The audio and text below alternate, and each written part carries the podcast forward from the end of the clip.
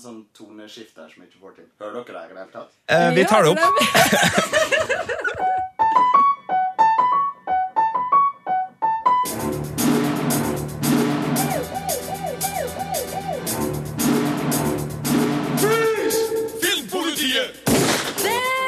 Velkommen til denne supersommerspesialen av Awesomeness, nemlig Filmpolitiets Godt podkast sommerspesial. Øh, dere vekker meg liksom midt på sommeren bare for sånne ting som jeg skjønner ikke.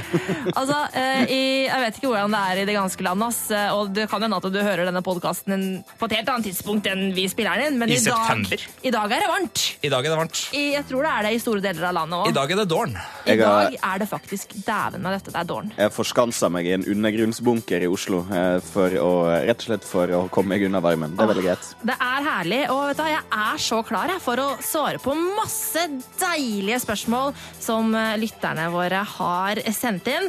Skal vi bare kjøre på, da, eller? Er du krypten i Vinterfell, Andreas? Eh, Ja, det stemmer faktisk. Nå må dere høre på programlederen som bestemmer at nå var det det var ferdig, den åpningen nå. Ja, men det her, er- det her, det her er ikke radio, det her er podkast. Okay? Jeg glemte å introdusere oss, tilfelle vi tilfeldigvis har en ny lytter i dag. Hei, ny lytter! Sigurd Vik, hallo, hallo. Hallo, hallo. Andreas Opsvik. Hei og hå. Og jeg heter Marte. Og er programleder. Ja, ja. Kjempeflink programleder. Det er du som styrer oss. Åh. Hold oss i ørene. Jeg uh, har noen spaker her som jeg, som jeg kan mute folk og sånn hvis de eh, kommer ut av kontroll. Det, det liker jeg. Um, men vet du hva, uh, skal vi ta en liten sånn derre takkerunde først, eller? Det kan vi godt. Kan, vi legge, kan vi legge på en eller annen sånn klein musikk i bakgrunnen mens vi gjør takkerunde? Det? Michael, Michael Bolton-ish, liksom. Ja, noe litt sånn pompøst. Hva vil, hva vil dere ha? Eh, Nevn en Michael, sang. Michael Si en Bolton sang. er et godt utgangspunkt. Men Jeg vil jo, egentlig, jeg vil jo alltid ha Careless Whisper, men jeg tenker at eller annet break heismusikk. Jeg, får, jeg får på noe greier. Jeg får på noe greier. Kjempefint. Jeg vil bare uh, si at det har vært så hyggelig å få uh, en innboks full av Game of Thrones-mail sjøl etter at Game of Thrones har vært ferdig, med eh, spørsmål, med teorier, med på en måte litt sånn bekreftelser på at folk har hatt rett underveis, og det unner jeg folk. altså Det er så godt når du vet at ah, jeg hadde rett underveis! Så til alle dere som hadde rett underveis, veldig bra jobba. Og så har det også vært sånn at folk har kommet bort til oss og sagt sånn Takk for godt på den, og det Ja. er så godt. Og jeg beklager til folk, for eksempel han personen som kom bort til meg litt sånn sent på et utested i Trondheim nå forrige helg og takka. Jeg var øh, veldig glad for det, og jeg var bare litt sånn full. Du var var så bare litt for jeg- full. Ja, så hvis jeg framsto som uhøflig, så var det ikke av nå. Det var kjempekoselig å høre. Eh, Bare øh, klokka to, litt over to-syndromet som slo inn for meg, men det har vært så hyggelig å høre at uh, vi har til og med fått brev. Vi har fått, Vi har fått brev håndskrevet brev fra en uh, lytter, Ja. og det syns vi var veldig, veldig, I veldig 2016 så er det uh, så utrolig koselig å få, Ja. så tusen hjertelig takk til, til lytteren som skrev håndskrevet brev. Med rød tusj. Du vet hvem du er. Ja. Åh, ja, altså eh, Denne podkasten det er jo en sånn spesialpodkast hvor vi rett og slett bare skal gå gjennom eh, innsendte mails. Mails. Eh, mails. Eh, men Og først så må jeg bare nevne det beste memet som går rundt på nettet nå for tida. Som ikke er Pokémon GO-relatert. Eh, hæ? Pokémon Godt kaller vi det her i Er Pokémon Godt, ja. er det ikke. Pokémon Go-relatert, sa du? Det, det er et, Er det Pokémon? et eh, Pokémon Godt-meme. Eh, Da var det sånn, det er Cersei øverst, og så er det Daenerys underst. Og så, Det, ja. så står det Cersei sånn I'm an adult, so I don't play Pokémon Go. Og så ser du det derre mi-fjeset til Pingu-fjeset til Emilia Clark. Bare I'm an adult, I don't play Pokémon Go. Det, var, det er det morsomste. Det var jævlig dårlig Veldig dårlig gjenfortalt av meg. men Radiomens av. Marte Hedenstad. Ny serie. Ja. Men uh, hvordan er stemninga deres nå som det har liksom gått uh, ganske mange uker etter uh, seriefinalen? Er, hvordan er Game of Thrones-hjertene deres for tida? De, eh, altså de har det i utgangspunktet bra, men jeg venter jo veldig spent på eh, neste bok. eh, og håper at den kanskje kan komme før neste sesong. Og det er det jo kanskje eh, vet ikke om man kan kalle det et håp om nå, fordi at den ble jo rett og slett neste sesong forskjøvet pga. at de må ha vinter under innspillingen. Ja, Denne uka så fikk vi et, eh, en eh, e-post fra, fra HBO Nordic-gjengen, som er Game of Thrones stedfortredere her på den eh, norske jord, hvor det sto det mange av dere sikkert har lest på mange plasser, at det er eh, sommer 2017 Ja. som er på en måte releasen på, Men på neste hva betyr sommer 2017? Betyr det juni, juli, august? Er det Mai? mai? Altså, det er jo krise hvis det kommer i fellesferien. Ja, jeg har snakka litt med folk om det her. fordi Én ting er jo at det kommer da laglig seint, og at det kan bli litt vanskelig å få sett det ut fra normale rutiner hvis man sitter for eksempel, og ferierer på Antarktis eller en annen plass eh, her på denne globen. Men spoilermessig så er jo det også et potensielt lite mordor. Fordi én ting er jo at man liksom tenker Jeg har jo vår kjære radiosjef Stian Eliassen sa det så fint. Hvis du ikke har sett episoden innen et døgn, så har du på en måte Da har eh, da har du tapt. Det er ditt ansvar å gjøre det, og det er jeg vanligvis ganske enig i. Eh, Både jeg og Andreas er litt sånn der Spoilere er ikke så utrolig innmari farlig for, farlig for oss, men på en fellesferiegreie så må man vel utvide den 24-timersregelen, mm. ja? For at det er jo kjempevanskelig å få datatilgang hvis man er på hytta eller noe sånne ting, så der mener jeg at spoilerproblematikken kan jo bli massiv neste sommer. Det er, kjempe, det er et Det er et kjempeproblem! Nei da, det er ikke et problem i det hele tatt. Må dere gi dere. Er det Slutt ikke? med- Er det Slutt med, slutt med krisemaksimering. Men, men, men altså, eh, altså, eh, hvis vi tenker oss om da, mm, altså, når er det, Hva er det sommerslotten til HBO? De har jo faste slotter ting går i. Hva er det som pleier å gå på sommeren? Det var True Blood en periode. Gikk på vår, sommer. Kanskje er den slotten? Jeg vet ikke, I Altså- år så har det jo vært The Night Off, som er den store sommerserien deres. så De har jo skifta sjef, så det er jo en del altså han, eh, var Lombardo han het, Andreas, Ja. som har gått av nå, og så er det komisjefen som har tatt over. De har jo kutta vinyl, de har vært ganske sånn ruthless, og så har de satt opp den her The Wire-aktige, fantastiske The Night Off, som vi ikke skal snakke om nå, men som er et hett sommertips for dem som er serieglad. Så jeg vet ikke. jeg, Sånn hvis, de sånn hvis du er ferdig med eh, Stranger Things, Ja, ja, ja, eh, så kan den- du ja. se den. Som du bare må få Vice med deg. Principles kommer også. Ja, ja, ja. Men, uh, men nei, det er jo ikke noe, noe stor krise, det her. Det er bare litt sånn uh, uvant. Og så er det jo Emmy-messig ganske rart at de gjør det, for det betyr jo at de havner litt utenom Emmy-selection og får ikke være med å konkurrere om Emmy 2017 med sesong 7. De er jo supernominert nå pga. sesong 6 til Emmyen som skal gå i høst, men de blir da et år etter, og det er jo lite eh, bra i forhold til momentum og sånne Ja. ting, så det er jo litt spesielt at de våger å gjøre det, men eh, Hvor de er jo så seint kan, store. det- hvor seint kan det komme for å fortsatt være med på Emmy? Nei, da må, det kom, da må det starte i mai, tror jeg. Det er en sånn dato i mai. Sånn Orange is the New Black rekker det akkurat. Ja. Men de er på en måte helt på, på Ja, tampen. men, ja, for de rakk det akkurat fordi de sendte inn noen ekstra episoder til Emmy-juryen. Eller Ja. det var et eller annet sånt. Det var en viss antall, en viss mengde òg, liksom. Dæven. Dæven. Men hva var det egentlig Jo, vi snakka om? hvordan har du det sånn Game of Thrones-messig, Andreas? Eh, Jeg, eh, jeg er midt i en sånn Discworld-bølge, eh, så jeg sitter egentlig og leser det. Men jeg har liksom, på et eller annet punkt så må jeg lese mer av de bøkene som dere driver å skryter sånn uh, gærlig av, i hvert fall stort sett. Eh, men akkurat nå koser jeg meg mest i liksom Discworld, bare for å holde den fantasy-greia oppe. Men det er en annen ting som jeg har vært veldig koselig med denne podkasten, er at det er flere av dere som har sendt inn mail til oss og sagt at nå er jeg også lyst til å lese bøkene! At vi, folk har fått lyst til å lese bøkene siden vi prater så mye om bøkene og liksom forskjell på bok og serie og sånn. Og da tenk så mye gøy dere har foran dere. Eh, kan bare liksom kaste dere ut i de dritbra bøkene og bare kose dere med det universet på nytt. Det, og på en helt ny måte. Det er skikkelig kult, ass. Marte sin, sin i, i mest intense drøm det er å få eh, hukommelsestap, sånn at du kan lese bøkene på nytt. Ja, du, altså, eh, Det er ikke noe problem, for jeg har hukommelsestap eh, hele tiden. Jeg har så dårlig hukommelse, så hver gang jeg leser de bøkene, så bare sånn Å ja, var det sånn det var, ja? Å ja, var det sånn Jeg, jeg, jeg er litt dårlig på det. Men kjapp, øh, bare, du vet på en måte sånn cirka siste nytt fra, fra bokverden. Når kan man tidligst forvente at det kanskje kan komme ei hel bok? Nei, altså øh, Når øhm, Han hadde jo et håp om å bli ferdig før sesong eh, seks begynte. Det ble han ikke. Men vi vet ikke hvor mye forsinka han er. Uh, sånn at, eh, men jeg vet at det pleier å ta Altså sånn fra de legger ut sånn 'nå er boken ferdig', så tar det jo en god stund før den blir publisert. Um, men da er det gjerne sånn kanskje sånn tre kvart år, et halvt år, tre kvart år, fra de sier at det er ferdig, til at den kommer ut. Sånn at hvis han på en måte i høst sier at den er ferdig, så kommer kanskje boka før eh, sommeren eh, 2017. Så um, jeg er veldig spent. Det, det er håp. Det er håp. Det er håp. Det er håp. Og så er det jo helt greit at de utsetter, fordi grunnen til at de utsetter er jo fordi at de skal ha bedre innspillingsvilkår. Ja. Altså Vinteren har kommet, og da trenger de litt vinter. Vinteren? Vinteren. Vinteren? Med W. Vinteren. Og Paljatalje. Jeg beklager. Og du som har klaga på at jeg sier The Vale i stedet for The Vale, du har helt rett. Og det, jeg sa ikke riktig der engang, så sorry. sorry. Det er ikke det er mye W i den trønderske kjeften her. Du sa det samme ordet to ganger, du. Nå var du veldig, veldig Nå var du smart. Nå var du veldig smart. Neida. Men eh, skal, vi, skal vi starte kalaset litt sånn ordentlig, eller? For nå prater vi jo bare skit. Kom igjen. Sett i gang kalaset, Ok, Da Martenstad. setter vi i gang kalaset! Det er klart for spesialutgave av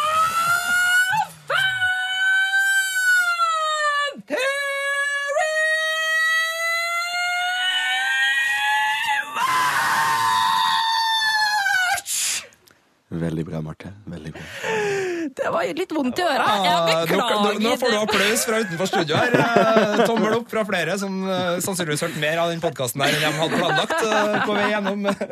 Her er det Pet- Pet- Petter og sommergjengen er veldig dere så lavt? Ja, sorry, sorry hvis det ble tinnitus på deg som hører på nå. Jeg beklager, men jeg ble litt revet med. Jeg så for meg liksom sånn skyskrapereksplosjoner idet du gikk rødt der. Det var veldig, veldig bra. Men lungene dine har tålt det her. Ja, det var tålt Du det. er med oss videre. Ja, og, Marte Tråkkelur Hedenstad uh, is on it again. eh, og nå har vi bare sånn en hel haug med e-poster eh, eh, nederst, og de er bare i helt vill tilfeldig rekkefølge her. Eh, skal jeg bare begynne på toppen i dokumentet mitt, og så tar vi det derfra så langt vi, gidder? vi tar de ni Vi, sidene med spørsmål. Vi, vi har en mer rettferdig måte enn det, men du kan okay. starte øverst, så tar vi dem litt etter hvert. For jeg har noen Du har Du har planlagt, du, ja, ja, ja, ja, ja. Sigurd har planlagt den. Er smart. What? Filmpolitiets Game of Thrones-podkast. When you play the Game of Thrones, you win or you die. Ok, men da eh, tar jeg rett og slett første e-post eh, i dokumentet mitt. Den er fra Harald Helberg. Han sier Hei sann! Takk for noen herlige godt podkaster. Fantastisk underholdning under bilturen. Så trivelig. Og så uh, skriver han I det siste har jeg fundert litt på hvorvidt vi kommer til å erfare et tidshopp i serien, slik vi har sett i Vikings. Hva tror dere? Vinteren kan vare i årevis. Når og hvis de klarer å nøytralisere trusselen i nord, kan det fortsatt gå lang tid før våren kommer. Tittelen på den syvende boka antyder at våren blir et tema senere. Hva tror du om det?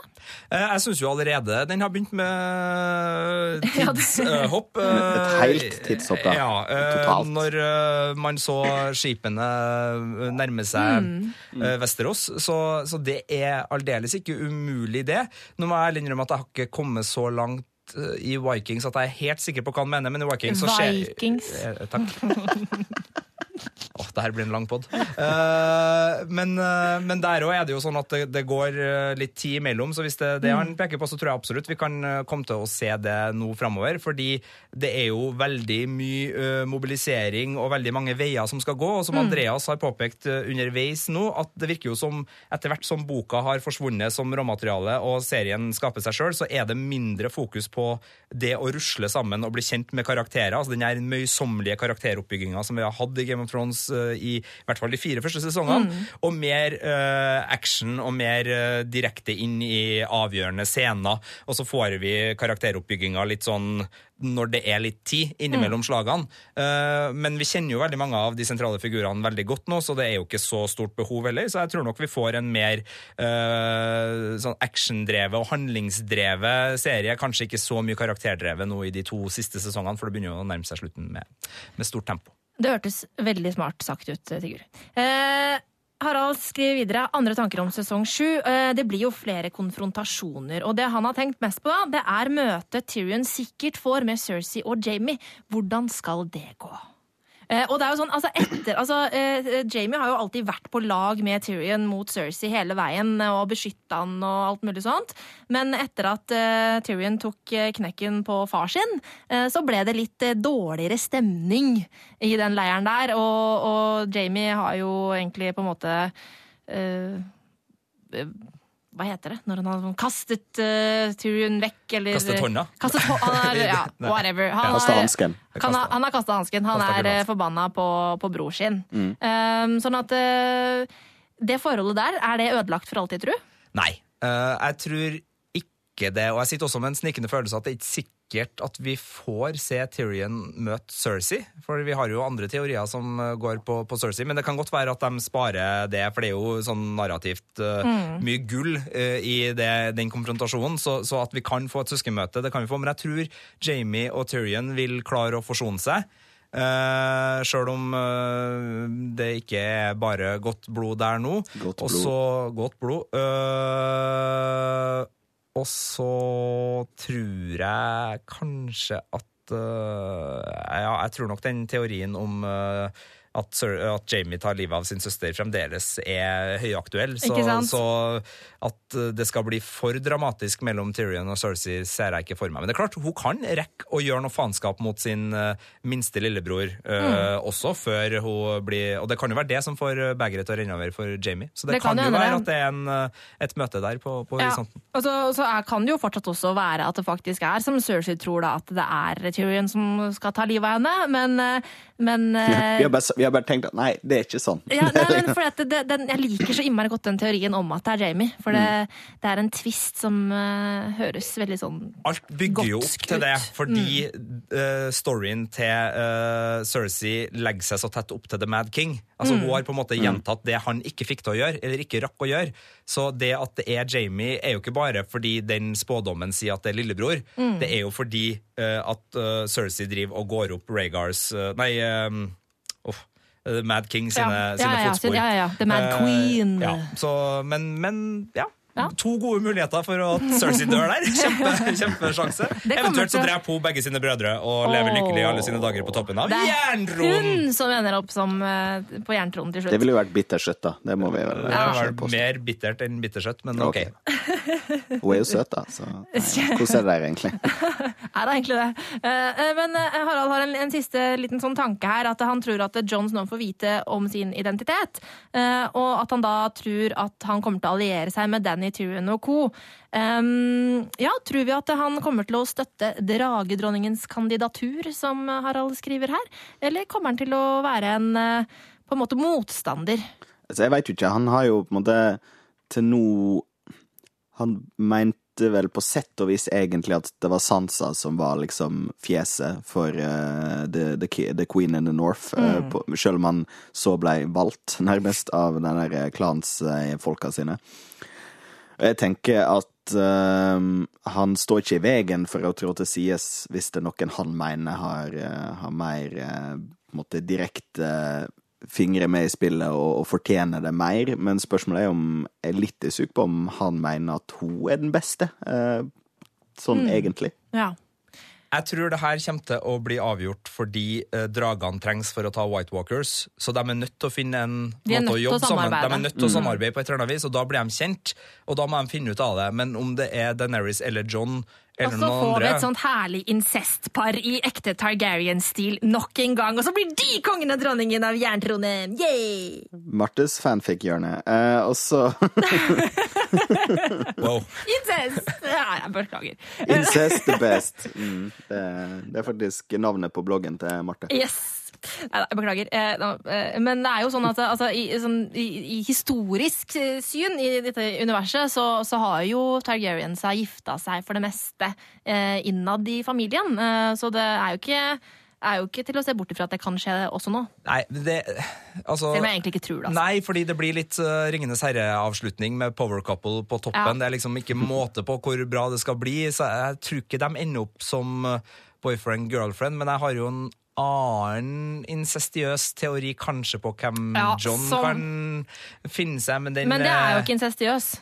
Nei, det er i hvert fall ikke Jo, i samme ledd som Er det? eh, Ja, hvis det Altså, jeg har en lit Jeg syns jeg ser små glimt, og har også lest litt eh, på internett som, eh, som gjør Altså, det er jo noen som mener at Sansa og John, nå som de ikke er bror og søster, kan Ja. finne tonen. Men jeg, for at de er, hun er jo fortsatt, de er jo fortsatt uh, Ja. fetter og kusine. Ja. Men fetter og kusine, det, er jo, det var jo helt vanlig i gamle dager. Jo, jo, men eh, jo, Daenerys og John òg blir jo tante og Altså, det var, det var, det var ikke bare Det jo helt ikke det var ikke bare helt og nevø er jo ikke det samme Nei, men det er, og jo- det, men du er ikke søster og bror.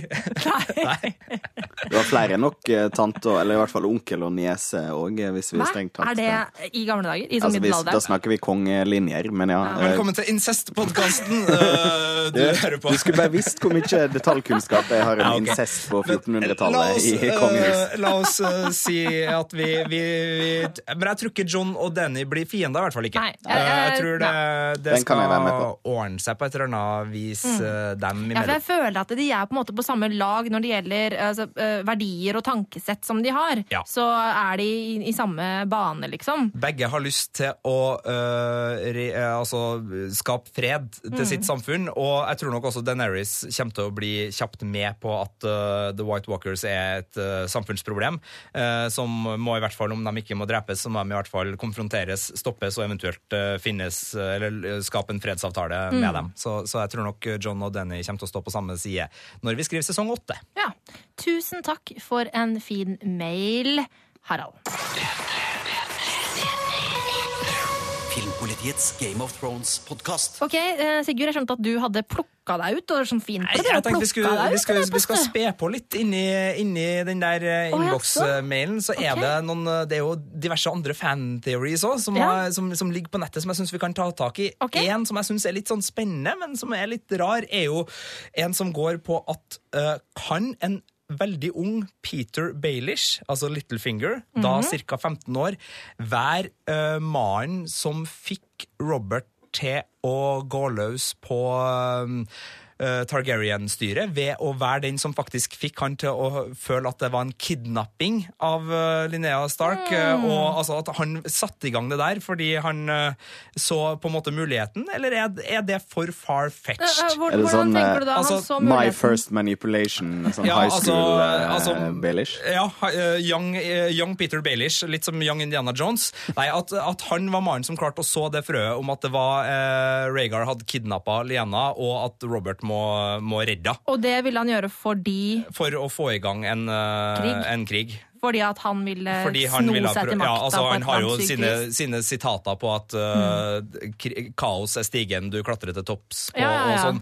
Så at, eh, altså, tror vi at Peter Baelish bare tilfeldigvis snubla inn i det her Nei, nei, nei, etter, eller hva han på en måte Kan han faktisk Altså, i serien Det er ikke nødvendigvis bokmat, men altså kan serien bruke Peter Baelish fordi han er en såpass god antagonist at de bruker han i et Og det her teorien som eh, ligger på Reddit, for de som har lyst til å lese mer om den, er da at Bran ser det her i et eh, tilbakeblikk, Mm. eh, og at man da får eh, Peter Bailey som en veldig sånn tydelig eh, provokatør og, og trådtrekker da i, i det her. Jeg heier på det. Jeg sier ja.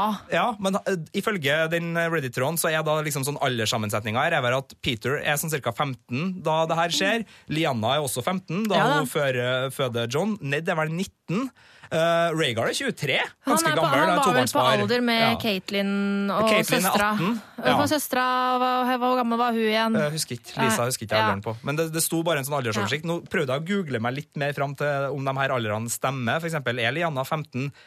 Det Ja, må jeg bare tro på. det, ja. Jeg har Mm. ikke dobbeltsjekka det, men det var i hvert fall Så, så det er på en måte high school-drama-alder på dem her nå. Det er det neste sesong men, blir. ja, men både Jon Snow og Daenerys er jo også uh, i den alderen mens de nå Ja. altså, tar over byer og, og blir Lord Commanders. Også, jeg vet ikke hvor gammel Jon Snow er, men han var 14 når det starta. I boka, så- i hvert fall. Ja, altså I boka så er jo Daenerys 13. 13 da Ja. hun gifter seg med Så det, ja. så det er ikke aldersmessig umulig. Nei. Uh, men nei, jeg, jeg liker jo hvis serien klarer å kanskje skape en, eh, en enda eklere Peter Baelish, samtidig som jeg ser ikke helt hvor han skal Altså, Hans mulighet nå er å overbevise Sansa om at John uh, er en fyr du må slåss mot. Du må ta tilbake makta. Det er på en måte det eneste spillet han har der han sitter nå. Så det å gi han en rikere backstory og flere grunner til at vi skal føle noe på begge sider av det, får han, Ja, syns jeg kan være være smart. Eh, Og jeg syns det er så synd, for jeg, jeg syns det var så fint at endelig fikk vi noe trivelig i, Game of Thrones. Og det derre at uh, Sansa og John på en måte fant hverandre igjen, og hun uh, innrømmet at hun hadde vært en liten bitch uh, før. For, det, for det hadde hun jo vært. Og, og så skal hun liksom begynne å jobbe mot han igjen. Og jeg bare ser for meg en sånn scene sånn, hvor hun liksom er sånn Oh, you're only a bastard, og liksom at den, hele den greia der kommer. Ja, jeg, tror det, jeg tror den kommer. Ja, jeg, tror, den kommer, ja, dessverre, altså. Ja, det blir et eller annet, De kommer til å bli sinte på hverandre Ja. på ordentlig for et eller annet, og så blir de og så blir de uvenner. Mm. Um, Ja, Skal vi ta den med det samme? For det har kommet både flere spørsmål og det er mange teorier på det. Er Sansa versus John en av de store på en måte plottrådene i neste sesong? jeg tror ikke det blir kamp-kamp. Jeg tror på en måte Det blir ikke sånn Sansas hær mot Johns hær, eller noe sånt. Jeg, jeg men tror ikke det blir ja. jeg tror det blir eh, De kommer til å krangle alvorlig, eh, og et eller annet der skjer. Mm. Jeg tror, Eh, jeg tror ikke det blir hovedplott, liksom. Men det blir Nei, en, men en av trådene. Men det blir ikke liksom det sesongen skal handle om, tror jeg ikke. Nei. Det håper jeg ikke. Kommer noen av søsknene, kommer Arya eller Bran til å komme tilbake til Winterfell, sånn at det blir flere For det er altså en ting, Nå er det jo en veldig tydelig Brand. konflikt mellom en bastard og eller altså en, egentlig en nevø Mm. og en datter som egentlig er bortgifta. På en måte, Ja. altså Begge de har litt sånn, de har gode claims, men de har ikke helt sånn perfekte claims. Bran har jo et perfekt claim. Bran er jo den eneste Han er det, arvingen. så Hvis han kommer tilbake til Winterfell, så er jo det her på en måte en konflikt som Men da kommer jo Bran, Bran John er jo ikke Bran lenger. Bran er jo den tre, tre Ja. øyde ravnen. Ja, så, så han, kommer nok aldri Arya. tilbake på den måten. Uh, Arya kommer til å komme tilbake, tror jeg. Uh, Mm. Men hun vil jo ikke ha noe makt. Nei, hun er litt sånn off the grid nå, tenker jeg. Men jeg Hun tror er- nok hun, hvis hun hører at John uh, er i Winterfell, så drar jo Arya dit. Nå kommer du rett inn i den som er den spennende teorien om Brienne. vet du. For hvis eh, det er konflikt mellom Sansa, og nå må dere være med meg litt her, det her er igjen fra det store internetteorier, men eh, la oss nå si at det blir en åpen konflikt mellom John og Sansa, Ja. og at Arya kommer tilbake. Da vil vel hun sannsynligvis velge Johns side av på en måte vennskap og allegiance der. Brienne har jo sverga å både beskytte eh, Sansa og, Og Arya. Arya. Og hennes sverd, da, fordi hun har jo sverga til mor at hun skal beskytte begge, og så har hun sverga sitt sverd til Sansa, så kan på en måte det her ed-problemet som Jamie og Brienne har snakka så mye om opp gjennom sesonger altså Det er jo mye konfliktfølelser rundt det her. Hva er en ed? Hva betyr en ed? Hva er det å bryte en ed? Det er mye Oathbreaker, det er mye eh, Kingslayer, det er masse om eder i denne serien. Kan det bli sånn at Brienne, som har vært den der supernoble, bare helt sånn oppi skyene, fantastisk person som bare holder alle edene sine, Blir en kan det hende at hun blir en Oathbreaker? Åh, det hadde jo vært I en konflikt mellom oh, Arja og Sansa? har! Nå fikk jeg gåsehud! ah, det, Det her er også en, en Reddit-tråd, sånn at Ja. dem som syns det her var spennende, gå og sjekk den ut. Den ligger på Game of Thrones-redditen. Mm. Det er uh, tankegods som er spennende, men det er jo veldig mye som skal til før man eventuelt kommer dit. Men, men jeg syns sånn tematisk så er jo det Ja, spennende. Veldig, veldig spennende. Uh, ja. Da snakker vi på en måte ordentlig eh, litt sånn eh, shakespeariansk eh, Hva heter det? Tvil og Ja. forræderi og liksom Ja, igjen, da, det derre bitre, bitre, bitre liksom sitronen som George R. Martin bare stapper inn i kjeften på alle lesere. Fordi det, det er som, fint. det som er greia med at uh, Brienne er jo egentlig en veldig sånn u-Game of Thrones-sk rollefigur. Når du, når du ser på hva George R. R. Martin gjør med sine andre rollefigurer, og hva han sier om serien. Det er ingen her som er udelt god, det er ingen som er udelt ond. Alle har mørke og lyse sider. Mens Brienne liksom hele tiden har vært den der forkjemperen for rettferdighet. liksom sånn.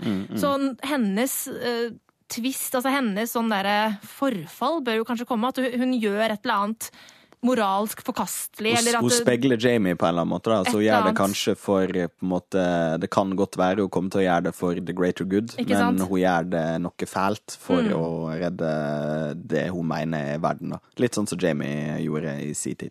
Og Det, da vil du Ja. det ble en fin sånn, enda en fin sånn speiling mellom de to figurene. Og tenk deg da, Andreas, når vi får den siste badescenen mellom Jamie og Brienne eh, på tampen av sesong åtte, eh, hvor de begge sitter i badekaret, og rett før de omfavner hverandre i Bow, det Nei, søren, er det Hivju som ringer der og sier at det blir ikke noe av den romansen? Ja, det er det, ja. Ja, ja. er. Ok, så det, det er, Stryk, stryk alt det der. Stryk Ja, alt det, det det har ikke skjedd. Det har ikke skjedd. Å, jeg vil at det skal skje! Breemund, hjerte, Breemund, hjerte. Ja, men Det er jo fint hvis uh, Thormund da kan ta seg en Eller Tormund kan ta seg en god prat med Brienne etter det her, og liksom bare bli den eh, rota hun trenger å lene seg på for å, for Nei, å stabilisere seg. Der! Hæ? Du syns den var grov, ja? ja, ja. Jo, jo, men sånn, sånn er det. ok, ja. Uh, bli den skuldra hun kan eh, støtte seg på, og kanskje finne kjærlighet i. Ja. Eh, Den jeg- skuldra- jeg liker at du fanger opp alle. Marte. Det er ingen, ingen graviser som går deg forbi her. Det er bra. Nei, men det, men det er mange muligheter her, men jeg håper i hvert fall at uh, Brienne som figur kan, kan bli um, åpna opp mer her. Nei, øh, bli rikere. Neste! Neste! Neste! Har du en e-post fra en øh, lytter, Martin? Da? Ja, ja, ja. Det, er, det er flere e-poster der, altså. Det er det. Ok, Uh, Ole skriver følgende Eh, ja, Han har faktisk sendt den til meg. Eh, så Han skriver Hei, denne skulle sikkert vært sendt til en eller annen filmpoliti-e-mailadresse, men jeg lar det stå til. Ettersom dere muligens skulle lage en spesialutgave av Godtpodkasten, ja, så har jeg en kommentar. Det virker jo som at alle tror John Snow, Daenerys Targaryen eller eventuelt Tyrion Lannister skal vinne spillet om jerntronen. Men ærlig talt, godt er da ikke noe Disney-show! Tror jeg kommer til å føle meg meget skuffa om serien ender opp med en så lettvint løsning, eh, og at de lar de mest rettferdige og rettskaffende karakterene sitte på jerntronen i seriens aller siste scene. Og så skriver da Ole følgende. Nei, den som bør vinne er Mr. Sleipall himself.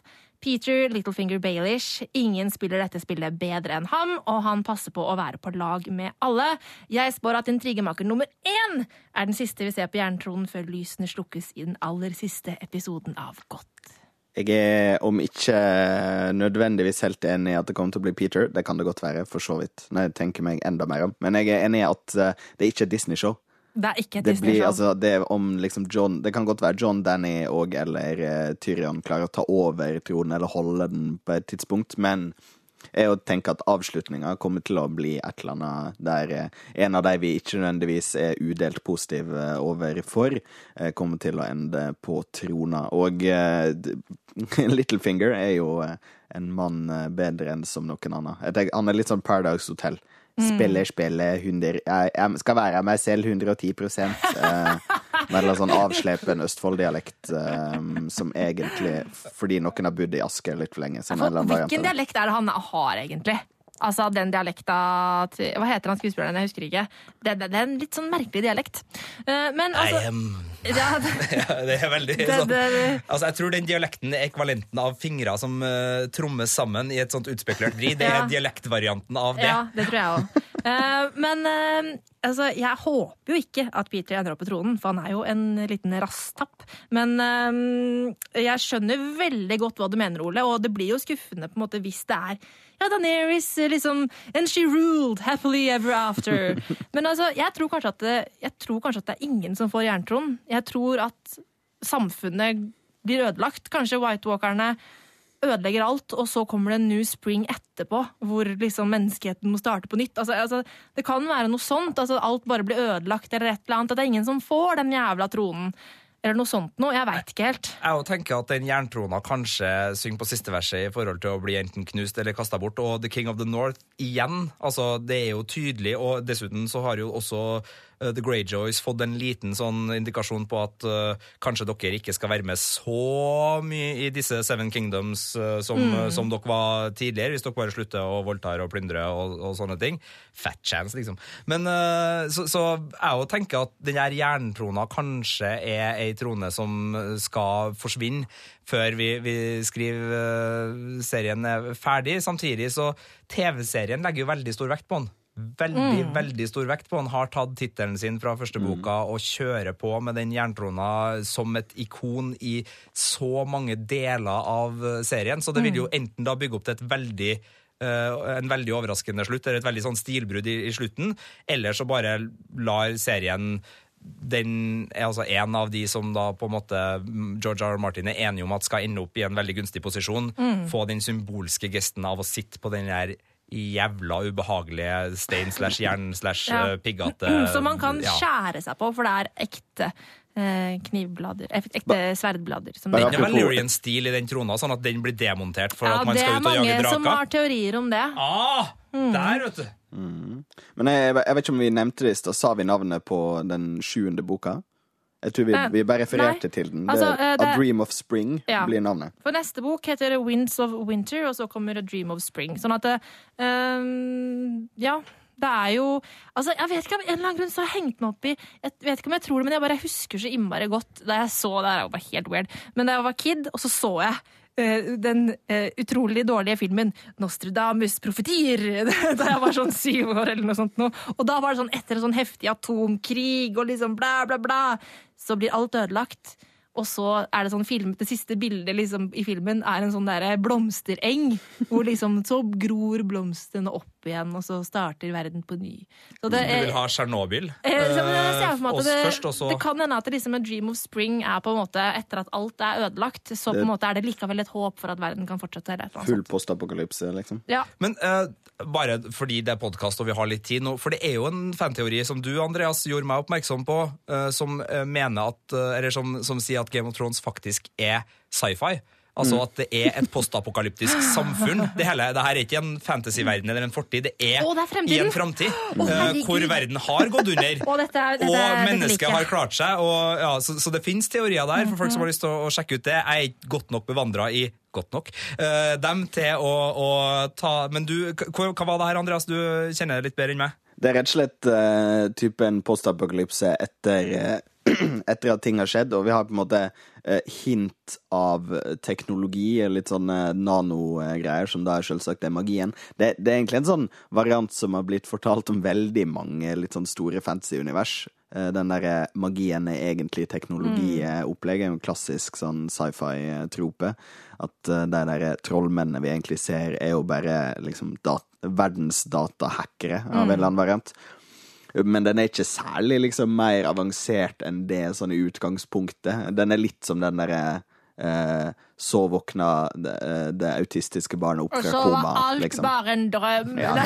Men, uh, men er, det er vel også tufta litt på George R. R. Martins tidligere skriverier Nettopp, og inspirasjonskilder? ikke? Hvor det er veldig mye hvor det også er fantasy og riddere og den slags i framtida, hvis jeg har forstått det riktig? Ja, og han er jo en, en vidstrukken mann når det gjelder sånn både inspirasjon og ting han er glad i. Han er jo forferdelig glad i liksom superhelt-mutant-variant-greier òg, så vi, vi får se, da. Han satt jo for eksempel opp eh, Iron Sky på sin eh, kino i eh, Hva heter det, San Hvor er det han bor hen? Bort på vestkysten der? USA. Ikke. Eh, USA. USA. Han, han eier en kino som Yes. han setter opp Iron Sky på. da filmen om nazister på månen. Yes. Kanskje det er det. Eh, Lannisters er egentlig månenazister. Ja, det er mye arisk både i Targaryens og, og. Lannisters. Det er det jo sånn sett. Men uh, Nei, det var, det var jo et sidespor, men, uh, men vi I vel motsetning til vanlig, så var det et sidespor. Men vi ser vel for oss i hvert fall en meget stor hovedkonflikt mellom White Walkers og eh, mennesker som kommer til å, å ta veldig mye av på en måte det moralske Uh, og hive det litt opp i, i lufta, og så får vi se hvor vi lander igjen etter det. Men uh, jeg er altså Peter Baelish på jerntrona. Hvis man ser på Game of Thrones som et, en serie om et spill om trona, så er jeg helt enig. han har spilt det kjempebra. Mm, han har jo det. Han har det. Filmpolitiets Game of Thrones-podkast. When you play the Game of Thrones, you win or you die. Neste. Next! Uh, skal vi se Ja. Uh, ja, det er litt Ja, OK, greit. Sigurd, vær så god. Vær så Jeg hever god. inn et kjapt spørsmål. Ja. hvem, altså, eh, det sies vel, det her igjen er fra internett, det sies vel at Jamie sier en eller annen gang, enten i boka eller serien, for det her husker ikke jeg, at det er sånn cirka tre sverdkjempere som er bedre enn han i Mm, i Vesterås. hørt, ja. Ja, Og det er før han mister armen, så det er mens Jamie er på sitt sterkeste. Hvem er de tre Mm. som er i live, liksom, Men, eh, men, men eh, da? har han da sagt det? Nei, det vet ikke jeg. Som er i live da? Hvem er de tre sverdkjemperne som er bedre med sverd enn Jamie? Åh, nå spør du vanskelig, for da må man huske alle Altså disse sånn opp, opplagte, opplagte kandidater. Nei, altså, jeg tenker ikke på folk som er døde. Nei, nei, Men men, når er jo han sier fortsatt det. her Du har eh, brødrene Hound og eh, ja, men, Mountain. ja, men altså, det, I så, duell. Ja, men The Mountain er jo sånn ren og skjær styrke. Dette er, Ja. Han er ikke nødvendigvis Ja, men sånn det- veldig altså, jo dyktig, telle, det. Det teller jo det. Dyktig sånn han der, eh, Altså, han der Folk han ville ha gamle tapt for i duell, da. Han der Ja, okay, gamle ja. ridderen, da. Han, Sir Bellamy? eh, Ja, Barristan. Barristan, ja. Selmy, mener jeg. Selmy, ja. Mm, Barristan. Absolutt, absolutt en kandidat. ja. Blackfish?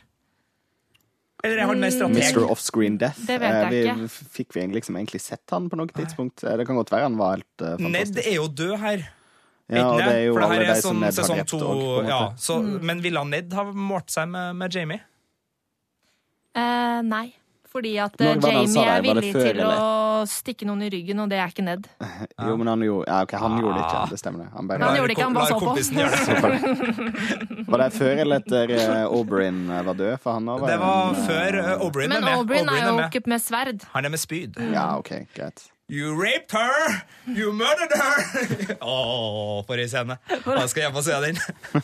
Den bare slutter så trist. Åh, men den er så bra fram til den slutter. Det er litt sånn, du, du, bare, du bare trykker stopp, og så bare begynner du å nynne Game of Thrones-melodien for deg sjøl. Sånn, mens du Eh, like vugger sånn frem og tilbake i dusjen. Nei, men uh, Nei, OK. Si, uh, bare var nysgjerrig på om Ja, dere hadde noen det var veldig ja. vanskelig. Ja, ok. Eh, Ja. Videre, Marte. Eh, Ok, nå, nå tar vi neste. Og dette er et veldig morsomt spørsmål. Det kommer fra Rolf, eh, som skriver Vi har jo i løpet av sesongene hørt mye om Roberts Rebellion. Og i siste sesong har vi også sett noen flashbacks, men ikke så mye utenom Tower of Joy. Jeg har lyst på en film som dekker den delen av historien i Westeros. Eller kanskje helst to filmer. En som danner grunnlaget for opprøret. eh, og dem er mange spennende karakterer. The Mad King, var han egentlig så gal? Lianna og Rhaegar, ble hun egentlig kidnappa eller stakt sammen? Ja, ikke sant? Dere forstår greia. Hadde ikke det her vært skikkelig tøft å få sett? Eh, Etter at alt er ferdig med Game of Thrones, kanskje problemet med det, og nå skal jeg være skikkelig, skikkelig, skikkelig, skikkelig kjip, er at da forsvinner veldig mye av muligheten til å tenke og vurdere og gi moralske vurderinger og dermed få på en måte spille på lag med dem du har lyst til å spille på lag med. For hvis du vet gjennom en film akkurat hva som skjedde, på en måte, så er det ikke noe sånn der Kanskje han egentlig mente noe godt, kanskje han egentlig ikke var så kjip, kanskje han egentlig var hyggelig, kanskje hun egentlig var verdens smarteste person. Altså alle de der tingene som vi nå sitter og tenker det vet vi jo ikke helt. Kanskje det var sånn, kanskje det var sånn. Det blir jo veldig skrevet i stein da, hvis det kommer en uh, dobbeltfilm. Ja. Så den må komme i hvert fall etter at Game of Thrones er ferdig, og det vil jo skje. ja, da. det vil- at ja, det må jo være etter. Men ja, jo, jo, ja, ja. Men Jeg jeg, jeg det eneste, er at det, eneste er at uh, hvis man skal liksom få ut altså det, Av og til så lever fiksjonsverk veldig godt fordi de har en spennende mytologi som de fødes Mm. ut fra, som det er mye uh, kontroverser rundt, og som det er mye valgfrihet i. For da får folk større tolkningsfrihet i verket. Og det her vil jo ikke fjerne all øh, Man har fremdeles Hvem var Brand the Builder? Var han The Nights King som vi kjenner er The Nights King? Altså Det er masse flotte teorier som går enda lenger tilbake enn det her Rebellions-greia. Så helt greit, men øh, det starta nå en gang der det starta. Ja, men jeg hadde, jeg hadde likt det. Jeg hadde likt det, altså, for jeg vil bare ha mer. Det er noe av det hver gang en en sånn type serie som det her blir ferdig, sånn som jeg har hatt det med Ringenes herre. Altså, Du har lest bøkene, og så kommer filmene, og så er det sånn, når da siste filmen er ferdig, så bare sånn nå, nå er det ferdig, nå, nå kommer det ikke noe mer. Og samme med Harry Potter også. at det, det kommer ikke noe mer. og det er bare sånn, Men det kommer jo mer kommer jo mer Harry Potter ganske straks Ja, øh, fra men- det universet. Ja, Silmarillion blir sikkert filmatisert før du vet ordet Nei, av det. Silmarillion kan aldri bli filmatisert. Filmatiser Bibelen, hele Bibelen. Ja, det har faktisk blitt gjort. Det har blitt gjort opptil flere ganger, til og med. Men det er ikke bra filmer. Eh, Men ok, ja, nei. Eh, Jeg syns det hadde vært fett. Eh, Men Rolf han har et, mye, en, et annet veldig veldig godt eh, forslag også. Godt forslag. En godt forslag. Han skriver her kommer det litt mer tullete forslaget. Dere snakket jo Nei, litt om det er, godt, det er et godt forslag. noen, noen må cosplaye Cerseys Walk of Shame. Hvem bedre enn TV-serien Skam? Skal være ærlig. Jeg ser ikke på den serien, men Særlig. har ikke bodd under en stein, så jeg har jo fått med meg hypen. Og hvis de tar med Marius Høiby som statist, kan de ta seg bryet med å lage den scenen også. For eksempel som en russeknute. Det er i hvert fall en kjempemulighet de bør ta, for de heter jo tross alt Skam. Da får vi, vi spiller Vi skal pitche den, dette inn til Skam-redaksjonen. den øh, det, det, Ja. Rolf, jeg videresender mailen din. Er- Er Kjempeidé! er vi inne i liksom majestetsfornærmelsesland? Nei, vi er ikke inne i majestetsfornærmelsesland. Det, ja, det er kjempeflott. Nei, men uh, uh, Marius Høiby er helt sikkert game uh, på å uh, hive seg inn som, uh, som Nå må en vi- Nå må vi gå videre før jeg sier masse stygge ting. Eh, vi stopper der. Filmpolitiets Game of Thrones-podkast. Ok, Andreas. eh, You're next. Eh, Plukk ut en mail du har lyst til å lese opp. Hei! Siden dere oppfordret lytteren til å komme med ekstra mange spørsmål og ideer for at jeg skal lage en ekstra sending, sender jeg dere en ekstra lang mail og krysser fingrene for en ekstra godt pod. Eh, skriver Andreas. Veldig fint navn, Andreas. Eh, men jeg tror liksom jeg må prøve å plukke ut noe spesielt her. Eh, vi har diskutert hvem, Azor, hvem vi tror Azor Asai er. Har Ja, eh, men eh, vi kan jo godt ta det en gang til, for det er flere som har spurt om eh, om vi kan ta ikke bare Azor Asai, men også den Three-Headed Dragon-delen på nytt. Ja. Skal vi, vi kanskje den, ja? gjøre det? Eh, ja, for at det, det Jeg er vet jo hva jeg tror. Eh, altså, eh, Azor Asai er jo eh, den på en måte profeterte figuren som skal komme for å lede Ja, med et ildsverd ja. og skal redde menneskeheten. Verden fra undergang. Ja, ja. Og det er på en måte en slags sånn gjenfødt-teori her, fordi det er da den samme personen eller samme enheten som redda verden tidligere en gang Ja. mot det vi antar da er White Walkers også forrige gang. Mm. Ja, og det er, en, er det sju eller ni sånne kjennetegn som har kommet opp gjennom bokserien i forhold til at det skal være født under en stjerne Ja. eller en komet, og det skal, være, skal ha et ildsverd og skal være altså det, Født det del i blod, Ja, og is og ja. ild og ja. Det er masse sånn her. Jeg husker ikke alle sammen. Dere som vet det, dere vet det. Og, og for dere andre, det er i hvert fall en del sånne profetitegn. Ja. Og uh, både John og Daenerys begynner jo nå etter hvert å virkelig eh, fylle opp profetiene. Og det som er spennende her, er jo at uh, George R. R. Martin og skaperne av serien ikke bare lar én på en måte stikke av eh, med alle disse tegnene, for da hadde det jo vært for lett, men lar to ha det. Og det har også vært andre. altså Man hadde på et, på et stykke, sånn hvis man liksom tok en sjekk på, på sesong tre, så hadde også for eksempel eh, godeste eh, Å, hva heter han som driver og brenner dattera si på bål? Og, Stannis. Ja, Stannis Stannis hadde også, fordi han tok jo ut et sverd som var ild, så det var en grunn til at Melisandre trodde at det var han. Eh, han ordna jo, han tente jo på et sverd, mer eller mindre. Det er jo forholdsvis uh, billig sirkustriks, men, Ja. men han gjorde det. Så, så vi har hatt mange, men nå er det jo John og Denny som står igjen. Og jeg tror, sånn rent personlig, at det ikke er én Azor Ahai, men at det er dem to samla som skal være redninga for verden. Jeg tror ikke det betyr at de blir sammen, eller det betyr at de kommer til å uh, på en måte uh, rule the world together. Jeg tror bare at det er dem to, for jeg tror ikke en av dem ikke kan være det. Det er litt Nei, sånn, det er litt sånn kollektivet. Ja, jeg tror det er det kollektivet. Altså, en født i, i Song of Ice and Fire, på en måte. Jeg tror det er dem to. Eh, Jeg tror det er Deneris, fordi at eh, i denne profesien eh, så er det da Det er jo en valyrisk profeti. Eh, profesi? Profesi. Profeti. Profeti. Profeti. ok. på norsk. Ja, på norsk heter det en norsk-engelsk greie. Profeti. Det er en valyrisk profeti som da er oversatt eh, til engelsk. Eh, og der har det antageligvis skjedd en feiloversettelse. Fordi at det, der, de, de snakkes om et eller annet sånn The prince that is promised. eh, mens det valyriske ordet for prince, det er ikke nødvendigvis prins. Eh, det er et ord som blir brukt uavhengig av kjønn. Og det blir nevnt av Amon eh, i, en gang i bøkene, eh, hvor han da sier at ja, det er en feil oversettelse. Eh, det, kunne, kan, det kan like så gjerne bety prinsesse. Eh, og, og det tror jeg ikke på en måte hadde vært kommentert hvis ikke det hadde vært for at det er Danny som Du, er eh, For George altså, R. R. Martin er ikke kjent for å legge ut sånne Nei, juksespor i det hele spor. tatt. Eh, jo, han gjør, han gjør det hele tida. Han gjør det hele tida. Nei, men altså syns, men han, han skriver jo ikke ting altså hvis, han, han, hvis han skriver ting som et juksespor, så er det jo for å villede oss med vilje, men han skriver jo aldri noe tilfeldig. Nei, det kan jeg for så vidt være. Det kan godt være at han legger i det for å, å tilføre det liksom litt mer eh, makt. Det er et eh, godt poeng. Men av liksom det der er sånn totalt ut av uh, ingenting-figurene, som òg kan være Azor Ahai, og det, det er jo òg han Andreas her inne på, uh, som sender en uh, kul video til om det er mulig at Jorah Mormont kan Ja. være Azor Ahai. Og han er jo òg en av de der som har blitt spekulert mye i, fordi han har liksom toucher innom en god del av de der greiene i denne profetien. Mm. Liksom The the, King of Grayscale. The King of Grayscale. Ja, det vil, det vil være en overraskelse. Ja. Ja.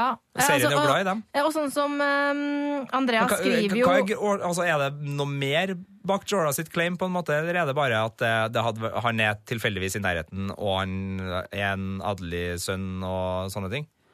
Det er noe med at den er sendt i eksil og alt mulig. Jeg har ikke satt meg så gått ja. inn i den eh, teorien eh, som jeg burde ha gjort uh, før denne poden, men uh, Han har, han har fanga ei løve, uh, som Mm. gjør at han har eh, kosa med Lannisters og passa på dem i en periode. Eh, Han har fått en demonmaske, eller hva det er, ved at han har blitt Mm. svidd inn ting i ansiktet fordi han var slave. ja. Eh, slave? Driver. slavedriver, eh, og så videre. Det er på en måte mange sånne små ting da, som, som toucher innom det, og som er kanskje svakere enn det det blir lagt veldig opp til, i hvert fall, som vi snakka nå med, med John og, og Danny. Eh, Men det, det er alltids en mulighet, hvis vi liksom skal gå inn på den derre eh, Hva om George R. R. Martin har kødda med oss hele tida? Så er det masse sånne små, bare sånn bitte små ting. Ja. Jeg tenker jo også en liten ting her som gjør at jeg kan være med på Danny-teorien til Marte mer enn kanskje en Danny John-teori. Det er jo at uh, TV-serien er jo veldig glad i å la hun være pompøs. Uh, dragekomisk, som vi, vi liker å kalle det. Uh, det syns ikke jeg er så fremtredende i bøkene. Eh, og det er ingen andre i serien som får lov til å være like pompøs som Danny. Altså, det er hun som virkelig får lov til å være nesten litt sånn out of character for showet drøy og, og svulstig når hun skal mane opp til kamp eller fortelle om sin Ja! nyervervede kunnskap. eller- Ja. Eh, Så, så, sånn sett så tenker jeg kanskje at uh, TV-serien uh, Fordi det vil være veldig sånn tilfredsstillelse av fansen Tilfredsstillelse, Ja. Marte. Du må bare Ja, ja. ja, Uh, men uh, men jeg, og, og prinsesse Prins jeg, jeg tror fremdeles at det er John og Danny, for det, det virker altså- mer i tråd med serien at de på en måte ikke lar én helt gå seirende ut av det her på en sånn her fantastisk måte. Nei, men det er nettopp det, er med mer- at der kom jo den trehodede dragen inn. Altså, Da Danny var i The House of the Undying i Carth, så hadde hun jo, gikk hun jo rundt i forskjellige rom hvor hun fikk forskjellige syner, både fra fortiden og fremtiden. Eh, og da så hun jo et syn eh, hvor eh, det var det som antageligvis er Eller man er ganske sikker på at det er Rhaegar, som står der da med eh, et nyfødt barn og en dame. Og så kan man da spekulere i er det Ella? El Elaya. Ella Jeg husker aldri hva hun heter. Elia Marte? Elia, Elia. Eh, eh, eller om det er Eller er det Liana? Jeg, jeg tror nok det er Elia og Aegon, fordi han sier at han skal, vil kalle barnet Aegon. Um, og så sier han sånn eh, Åh, nei, nå husker jeg ikke i hodet hva han sier, jeg har ikke skrevet ned. Men han sier et eller annet om at uh, han tror at Aegon, eller dette barnet han holder, er denne prinsen som er profetert.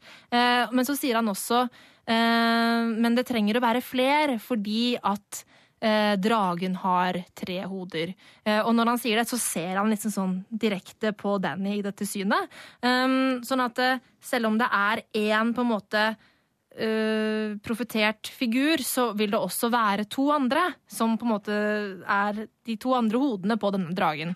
Sånn at um, jeg Og det tror- letteste er jo John og og Tyrion. John. Ja, og så er det også noen som tror at um, eh, fordi eh, at ikke det nødvendigvis må være en Targaryen som er det tredje hodet, eh, men at eh, det kan for eksempel faktisk være den falske Aegon, altså Griff. Ja. Fordi at han er fra valyrisk blod, eh, sånn at dragene vil godta han, på en måte. Ja. Men eh, at han eh, Og han er jo liksom Han blir jo omtalt i så veldig flotte ordelag, eh, denne Griff. Ja. Som ikke er med i serien. Som ikke er med i TV-serien, så Ja, ikke blir Men forvirra. det, det her er da Young Griff fra, Ja. fra bøkene. Og den har vi vel gått Han har vel Den har gått vi gått har vi gått gjennom. Ja, Mm. Veldig kort fortalt, det er muligens da eh, yngstebroren til Danny.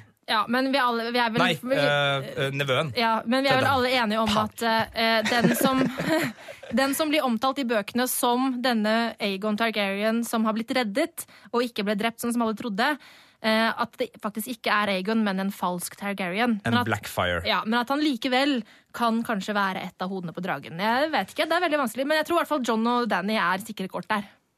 Mest sannsynlig. Ja, jeg sitter med en sånn eh, jeg, jeg håper ikke at John er der. Du håper ikke at John Nei, er for jeg føler at John har sin egen greie på gang. Uh, Nei, men hva mener du? Altså, han, er jo, Så- han er jo en av de som åpenbart liksom skal redde verden. Da er Ja. han jo et ene hodet på dragen, og han er en Targaryen òg. Ja, men da setter man jo all sin på en måte lit til at dragene er det fremste eksponenten, og det vet jeg at du, Marte, er veldig glad for å gjøre, men jeg tenker det hadde jo vært fint enten at Danny ikke har, men noen andre at det er bare Danny og Drogon, eh, og at de to andre er med, men hvis det er tre ryttere, da Tyrion, ja, er en god kandidat. Men det må ikke nødvendigvis være tre ryttere. Men altså, for at det, når den sier The Three-Headed Dragon altså Dragon var jo et eh, et ord som ble brukt om Targaryens også. Ja. Altså liksom Danny er en dragon, Ja. på en måte. Ja. Nei, jeg, jeg, jeg har ikke noe problem hvis det blir John, Tyrion og Danny, men det er veldig opplagt. Altså, det, Det er veldig opplagt, det. Det er veldig opplagt, og jeg føler at John føler, jeg mener at John har liksom holdt sin egen greie i nord og har sin eget opplegg, og det er derfor jeg tror at John og Danny kommer til å gjøre det her sammen, for de kommer til å møtes som to gode krefter som innser at uh, denne fienden er det viktigste. Ja. Eh, jo men, være ja, den dragegreia, den føler jeg kommer før. Altså, den, den må komme nordover. Eh, men det kan være. Men jeg, bare, jeg syns det er for enkelt. da. Varys er jo kanskje Blackfire. Kanskje Varys uh, får være med, eller noen andre. Syns jeg det, ser Varys oppå en drage. det er så fint, vet du, for at, eh, jeg snakka med en kar en gang, intervjua en som hadde Det var litt trist, han hadde testikkelkreft, eh, så han har mista begge testiklene sine. Men han sa det var som en drøm å kjøre motorsykkel, for du hadde ikke eh, testiklene å bekymre deg for eh, i forhold til at det klemte og gjorde litt vondt og sånn. Tenkte jeg Varys, da. Ja, han har jo ingenting. Ingenting. Bare flyg så lett på dragen. Wee, wee, it's a dragon! It's a dragon! Så var det det med sidespor igjen. Hvor hadde vi begynt hen, egentlig? Hvorfor kommer vi alltid inn på kjønnsorganer i denne poden? Det er du som er programleder. Det er, Eh, hvor var vi nå, egentlig? Det Andreas sin mail, da. Det, det er du som liksom skal ta ansvar nå, Andreas, når du leser mailen. Innskil!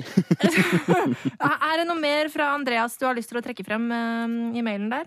Du, det er veldig masse, men jeg tror hvis vi skal rekke å nå igjennom Hvis vi skal rekke Å å nå ja, vi har ting allerede snakka ganske lenge. Ja. Ok, Men skal vi ta eh, neste mail, da? Filmpolitiets Game of Thrones-podkast. When you play the Game of Thrones, you win or you die. God dag! Hilsen en som har lyst til å forbli anonym. I, i tilfelle Ja, bla, bla, bla. Det blir nok en podkast. Det blir det. Skal vi se. A Song of Ice and Fire og Game of Thrones er gode på å skildre et nyansert bilde av forholdet mellom det gode og det onde. White Walkers, som er den største trusselen i A Song of Ice and Fire og Godt-universet, fremstår likevel så langt som en slags zombieinvasjon av ondskap, noe som er utypisk for serien. George R. R. Martin har allerede sagt noe slik som at det, de er en intelligent, til og med vakker rase, og jeg nekter å tro at målet deres er å utslette alt liv og bringe evig vinter til Vesterås. YouTube-kanalen eh, Alt Shift X har diskutert dette. Ja, den er veldig bra. Og snakker om at White Walkers eh, kan ha vært med på byggingen av The Wall. I en fredsavtale med menneskene og The Children of the Forest er det reelt at dette skjer på ny, i stedet for, at tol i stedet for en tolkinesk kamp hvor det gode vinner mot absolutt alle odds. Spennende. Eh, Og vi har jo nevnt det før, at vi tror jo heller ikke at White Walkers er en sånn udelt ondskap som, som kommer bare for å ødelegge. Men denne byggingen av veggen-greia er jo litt kul. Så det, for Ja. det de sier da, er jo egentlig at White Walkers er et, eh, et eh, liksom stolt og håndverkersk folkeslag Mm. som kommer inn over grensene for å hjelpe oss med konstruksjon. Ja. Eller så kan man velge å tolke det sånn at den veggen har man da satt opp, og så er det noen som får til å passere den, og så er det noen som ikke får til å passere den. Så jeg bare lurer på hvor, hvor er eventuelt bedraget da? Har de runene som gjør at White Walkersene ikke kan gå gjennom veggen, komme av menneskene og Children of the Forest etter at veggen da i samarbeid og jolly good, hei ho, hei ho, videre Og så har de bare nei, vi Ja. lurte dere, nå vil vi stenge dere Ja, for det, inne det bak må være et eller annet bedrag inni der, ellers så er det jo en veldig sånn snedig greie fra White Walkers perspektiv å si sånn Vi bygger denne selv veggen inne. som- ja. Og hvorfor har White Walkersene begynt å røre på seg nå? Ja. Det her er sikkert veldig godt forklart, eller i hvert fall forsøkt forklart, i den der Alt Shift X-videoen, som jeg innser Ja, jeg at har, jeg må jeg kanskje har sett den. Du har Den sett den? Er, den. Ja, den er absolutt eh, inne på, på den her tematikken og, og ser på det. Og ser også litt på, på hvor grensene for det altså, Hvem er det som har sagn i sin kultur om den forrige invasjonen? For hvis du drar veldig sånn cirka sørover, altså i midten mellom Slavers Bay og, og altså lenger sør enn Slavers Bay, også, er så, så er det ikke så mange sånne historier og sagn om det her. Men hvis du drar veldig langt sør, som hvis da eksempel denne verdenen er rund, vil gjøre at du nærmer deg uh, En annen pol. en annen pol. Uh, eller du drar nordover, så er det liksom sagn om at denne vinteren dekket store deler av kontinentene. Mm. Uh, så den, her, eh, den tar det, og så har det da blitt slått tilbake uh, av mennesker, eventuelt Azor Ahai, hvis man vil ha denne teorien, men det er også mulig da at det var en fredelig løsning, som det eh, snakkes om her. Eh, og så er det da den her veggen som har blitt bygd. Men, eh, men det er nettopp det, da. Den veggen er jo eh, ikke lik for alle. Altså, den er jo ikke noe problem for mennesker å krysse, men den er et problem for White Walkers å krysse. Og selvfølgelig så kan man jo si at ingen mennesker skulle egentlig passere den. Men det er jo litt sånn uh, snedig at den er så tung i magi på ene sida, og ikke noe på andre Ja. sida. Så, så jeg sliter litt med akkurat den. Men jeg er helt enig med essensen i det som, mm. som øh, kommer fra den anonyme øh, innskriveren her. Jeg tror heller ikke det er en sånn White Walkers er bare ond og kjempe, kjempe, kjempefæl. Men, øh, men, jeg, men akkurat den veggen, at den skulle ha blitt bygd i samarbeid med dem, ser jeg på som enten da et bedrag eller en snedig greie. Men at The Children of the Forest var med, det tror jeg. Ja, det var de. Men jeg, jeg tror heller ikke at eh, The White Walkers var med å bygge veggen. eh, Men jeg tror heller ikke at de er udelt onde. Jeg har jo nevnt tidligere at jeg tror kanskje de er en sånn slags eh, eh, moralens jordas vokteraktig type greier. At det, det er Det er sånn vi Sodom og Gomorra-opplegg, det- Ja, men at det, det liksom. er med vi menneskene som er ondskapen. eh, Og at eh, liksom verden har gått eh, blitt så skeis at liksom de våkner av den grunn. Det har vært masse kriger. Det er liksom eh, et eller annet med det, da. At mm. det er kanskje derfor de vekkes til live og liksom kommer og på en måte skal starte samfunnet på nytt, eller at de skal slå ned på oss, eller altså Oss, Ja. jeg bor i Vesterås. Det Et er, eller annet det er litt sånn som når sånn fotballfans sier at vi vant og vi tapte i dag. Så er Marte Marte Hedenstad, uh, Veilveien 57. Uh, Ja. 730 Midlands. Men mens vi er Nei, på det her, eh, takk til innsendt mail, Mr. Anonym. Jeg jeg vil bare trekke frem en annen eh, en melding som jeg har fått på Facebook. Det er en liten samtale, faktisk, eh, som Jon Skjeldrup og jeg har hatt. Vi har tidligere snakka om dette med at eh, Brann eh, og de White Walkersene ikke kunne gå gjennom veggen. Og vi lurte på dette med merket til Brann osv. Og, og liksom, hva er det med denne magien som gjør at um, eh, White Walkersen ikke kan gå forbi. Uh, men så, så, så minner da John John? John. Jon! Jon, Snø. Jon Snø minte meg på uh, at eh, det har jo vært raids på andre siden av veggen. Nemlig disse raidersen som kom tilbake og ble til raids, men de var jo døde da de ble tatt, frakta sør for veggen, og så ble de raids på, på andre sida. Eh, og så skriver da Jon det er ikke det at The Night's Watch tok med seg en død mann gjennom muren som er rart, men at liket våkna opp som White på sørsida, det må jo bety at magien som animerer Whitesene, har krysset muren. Enten ved at The Night's King har gjenopplivet ham på avstand, gjennom muren sin beskyttelse, eh, eller fordi liket allerede var i ferd med å bli White når det ble tatt gjennom muren. I begge tilfeller virker det ikke som om muren er så veldig godt beskytta. Jeg tror ikke The Night King gjenopplivet liket på avstand eh, etter at det hadde blitt eh, tatt sør for muren. For hvorfor har han ikke da gjenopplivet mange andre lik på sørsida? Kanskje liket som var i ferd med å bli White, kunne blitt tatt gjennom muren fordi det var The Night's Watch selv som tok det med. Ja, sier jeg til det. Så det er en litt sånn vampyrgreie med at sånn, så lenge du der blir eh, i hermetegn invitert med inn, så er det greit. Et eller annet. Hvis du bærer noen med deg gjennom den veggen når de er bevisstløse, øh, eller døde, eller skinndøde, eller hva nå enn er, Ja. så er det tydelig at serien åpner for at det er Ja. mulig. Eh, Jeg tror heller ikke på fjernoppliving eh, Nei. fra The Nights King. Det her tror jeg er folk som var på vei til å tørne, og så ble de eh, dratt over, og så Mm. Og så skriver Jon helt til slutt her at det kan jo da eventuelt hende at det bare er White Walkers som ikke kan passere, men at sånne såkalte raids kan passere. Men at selve White Walkersen blir holdt tilbake av magien. Ja. Så men det tror du, når får vi finne ut det, tror du? Får vi det i neste sesong?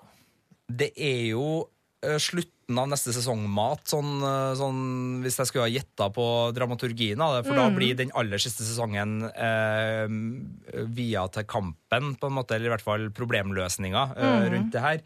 Eh, men eh, ja, vi kan ta en runde mot slutten av podden og bare si ting vi tror kommer til å skje i sesong sju. Eh, og det er en av de tingene jeg tror kommer til å skje i sesong sju, er at mot slutten av sesong sju så skjer et eller annet med veggen som gjør at White Walker-trusselen blir reell for hele Vesterås, og dermed også hele verden, og ikke bare på issida. Mm. Altså, de kan ikke holde på i to sesonger, og den eneste som kan bli tatt, er Benjen og Bran. Nei, altså, de, de må gjøre noe mer. Men kan White Walkers gjøre noe spesielt med Bran? hvis de fanger han? Altså, Er han en uh, sukkerkaramell av ypperste sort for dem, som bare gjør at de plutselig har uh, The Tessalone Nei, hva heter det? Steinen i Marvel? Uh, Ja, ja. Glem det, da. Tesseract. Er, ja, er, er han på en måte det, det, den gylne gral for dem? Fordi han kan både High greensight og uh, Ja. ja. hele smæla. Ja, altså, er- altså, Hvor jævlig kan det gå hvis de får tak i den? sant? Ja, vil The Night King drepe Brand eller bruke Brand? Jeg tror Og det hva siste. kan han bruke Brand til? Og kanskje det faktisk er det som er redninga for verden? At de får tak i Brand, sånn at de kan bruke Brand til å spread the word of knowledge throughout humanity. Veldig bra. Eh, OK. Mm, hvor begynner vi å dissekere den her, uh, mon tru? neste Jo, mail. Skal vi, er, vi på, er, vi, er du igjen? Andreas, er vi, var vi på Skulle vi fortsette å snakke om Nei, det? nei, nei, nei. bare gå videre. Jeg, må, jeg, må, jeg har liksom avtaler etterpå jeg må rekke og sånt. Eh, Så vi, på et eller annet tidspunkt så må vi bare gå videre. Jeg trodde du var runda av den mailen. da. Nei, nei, nei. Gjorde du ikke det? Jo, men det er greit. Neste mail. Neste mail. Okay. Skal jeg heller tenke masse på det. Filmpolitiets Game of Thrones-podkast. Ok, jeg må finne neste mail. Jeg må finne For nå, nå må jeg begynne å scrolle, scrolle her for å finne eh, kremen. Skal vi se. I du, her er det en eh, som eh, som er fan av poden. Tusen takk. Eh, Det er fra Øyvind, eh, som er en gift trebarnsfar, som har begynt å havne i tidsklemma pga. bøkene han nå har begynt å lese. Mm. og så skriver han Var på stranda på Mallorca for to uker siden, hadde lest ut medbrakt bok, hørte på dere på podkast, dro til byen for å finne bok, håpet jeg hadde Song of Ice and Fire på engelsk, de hadde kun to hyller med engelske bøker, men jaggu var den der. Og nå har han da så eh, begynt på denne boka, da. Eh, og, så, og så lurer han på, da. Får man noe mer mindre forvirring ut av historien ved å lese bøkene i tillegg? Regner i hvert fall med at det blir flere endringer fra sesong seks utover. Men tror dere det blir to helt forskjellige livsløp? Det er sånn, eh, jeg tror på, på det første spørsmålet Får man noe mer, mindre forvirring ut av historien ved å lese bøkene i tillegg, så tror jeg svaret ja, nei, ja, nei, Altså, ja, Du, ja, du nei, får, du får ja. jo vite mer, og du får mer bakgrunnshistorie på alle mulige småting. Eh, men om du, du blir jo ikke noe mindre forvirra av det, men du blir jo dratt mer inn i universet, og du får lyst til å på en måte vite enda mer. Tidsklemma blir enda verre. tidsklemma kommer til å bli et helvete, Øyvind. Jeg bare sier det, sorry. For at når man, man får jo lyst til å lese liksom så masse teorier og sånn som vi driver og holder på i podkasten her også. Eh, sånn at eh, For det er så masse sånne små hint og triks og tips overalt som bare gjennomsyrer de bøkene der. At det, det, man må lese det, det, med, det med fin skrift. Eh, men eh, eh, ja, altså Blir det flere endringer? Altså, eh, tror vi det blir to helt forskjellige livsløp? Altså, det er jo allerede skilt seg fullstendig. Ja. Eh, Ikke fullstendig, men Nei, ganske men masse. veldig, veldig masse har det skilt seg nå fra bøkene. Eh, og det eneste på en måte vi har hørt fra George R. R. Martin på det punktet, er at han tror at det er den samme som kommer til å ende opp med jerntronen til slutt. ja. Det er det eneste han har sagt. Hvis vi tror på at det er noen som skal ende opp på den jerntrona, da. Ja, for at, ikke sant? Eh, Ja, vi, altså hvis han sier det er den samme personen som kommer til å ende opp på jerntronen, nemlig ingen! Ja. Ja, så det er jo, det er jo Fortsatt teknisk korrekt. det er fortsatt te- A girl is no one. Nei, uh, men uh, det som er, er jo at eh, det virker som at TV-serien er veldig klar over sin egen suksess, sin egen posisjon, sin egen størrelse, og dermed er tilbøyelig til å ta grep som gjør at den fungerer optimalt som TV-serie. Og det kan jo bety flere brudd med bøkene. Mm. Ja. Eh, De har jo vist at de er ikke redd for å gå helt på egen hånd, selv om det kanskje ikke er de sterkeste plottrådene som er de. Men, Arya men og Sansa ja. er helt uh... De er helt på egen hånd og helt ute av bokuniverset, så, så jeg tror nok vi kommer til å se mer av det. Men om det går helt over alle støvleskaft og nesten må sette sånn eh, inspirert av, i stedet Mm. for basert på bøkene av eh, George R. R. Martin til slutt, det, vi kommer vel ikke dit, men, eh, men det, jeg tror nok eh, TV-serien kommer til å gjøre alt de kan for å opprettholde sin suksess og sin posisjon som en utrolig uh, populær og, og god TV-serie. Og hvis de ser at uh, neste bok eh, George R. Martin kommer med, har ting som ikke kommer til å funke på TV, så tror jeg de kommer til å droppe de trådene. Ja, det tror jeg du har helt rett i. Og så er det jo sånn at de har jo faktisk ingen bøker å lene seg på for de siste to sesongene nå, fordi de er jo ikke ferdig skrevet. Men uh, Nå er det bare liksom serviettnotatene til George R. R. Ikke sant? For de har jo hatt mange samtaler med George R. R. Martin, David Benioff og D.B. Wise, eh, så de vet jo hva som skal De vet altså de lange løpene i bøkene til Martin. Eh, og så får de selv bestemme hva de, hva de ønsker å ta med ut av det. Eh, men de har jo liksom ikke rent konkrete ting å lene seg på episode til episode, liksom. Så mm, de kjører jo rett og slett sitt eget løp. Så jeg tipper at når de, disse bøkene kommer, så vil det bli som å oppleve historien på nytt. Tror jeg. Ja. Ja. Ja. Takk, Øyvind. Kos deg. Og så får du bare ja, hva må, For å liksom gjøre den tidsklemma litt mindre, du kan jo lese kan jo du de le- 14 lese Game of. Thrones, A Game of Thrones uh, som nattahistorie for kidsa? Det er, det, er det en, en god idé? Nei? Ikke? Nei, Nei, jeg det tror var kanskje dumt, det. Filmpolitiets Game of Thrones-podkast. Jeg har jo lyst til å nevne den personen som sammen med meg helt, eh, lurer veldig på hvorfor i all verden One One ikke hadde noe våpen i Battle of Bastards, men det har vi kanskje pensa innom tydeligere. Kanskje. Ja, Kanskje. vi har jo det. Eh, jeg eh, sa jo bare men fordi han er et våpen i seg selv, men det er jo litt rart. Men kanskje han mist... Altså, jo, jeg vet det. Det er fordi at eh, Det er fordi noen er- andre han hadde tatt våpenet hans. våpenet sitt, og så er det jo ikke så innmari mange kjempevåpen å finne der ute. Nei, ja. Han kunne kanskje plukka opp et tre, Tre, men eh, nettopp. Det var langt til skogbryna. Ja. sånn, jeg bare ser for meg noen lager en tanks og spør Vi trenger jo ikke en kanon. Den er jo ganske stor og tung, den greia her. Vi kan kjøre over ting, men Ja, nettopp. Hvorfor i all verden skal du ha sterkere skyts enn det, liksom? Nei, men ja, min vedvarende irritasjon ved uh, One-Ones dårlige taktiske styring der. eh, men ja, vi kan hoppe videre før jeg Hvis blir du irritert. Hvis det her blir lettere for deg å sove uh, Von-Von er notorisk syvsover, og da slaget eh, Da eh, holdt på å si trompetene uh, gjalla den morgenen, så hadde han rett og slett glemt å stå opp, så han måtte bare haste på seg skinnfrakken, eh, pelsen, og strene ut, og da var det liksom for seint og litt sånn pinlig å gå tilbake etter våpenet. One-One er faktisk eh, kjempespråket for treig-treig, eh, så det er veldig, veldig artig at du sier det.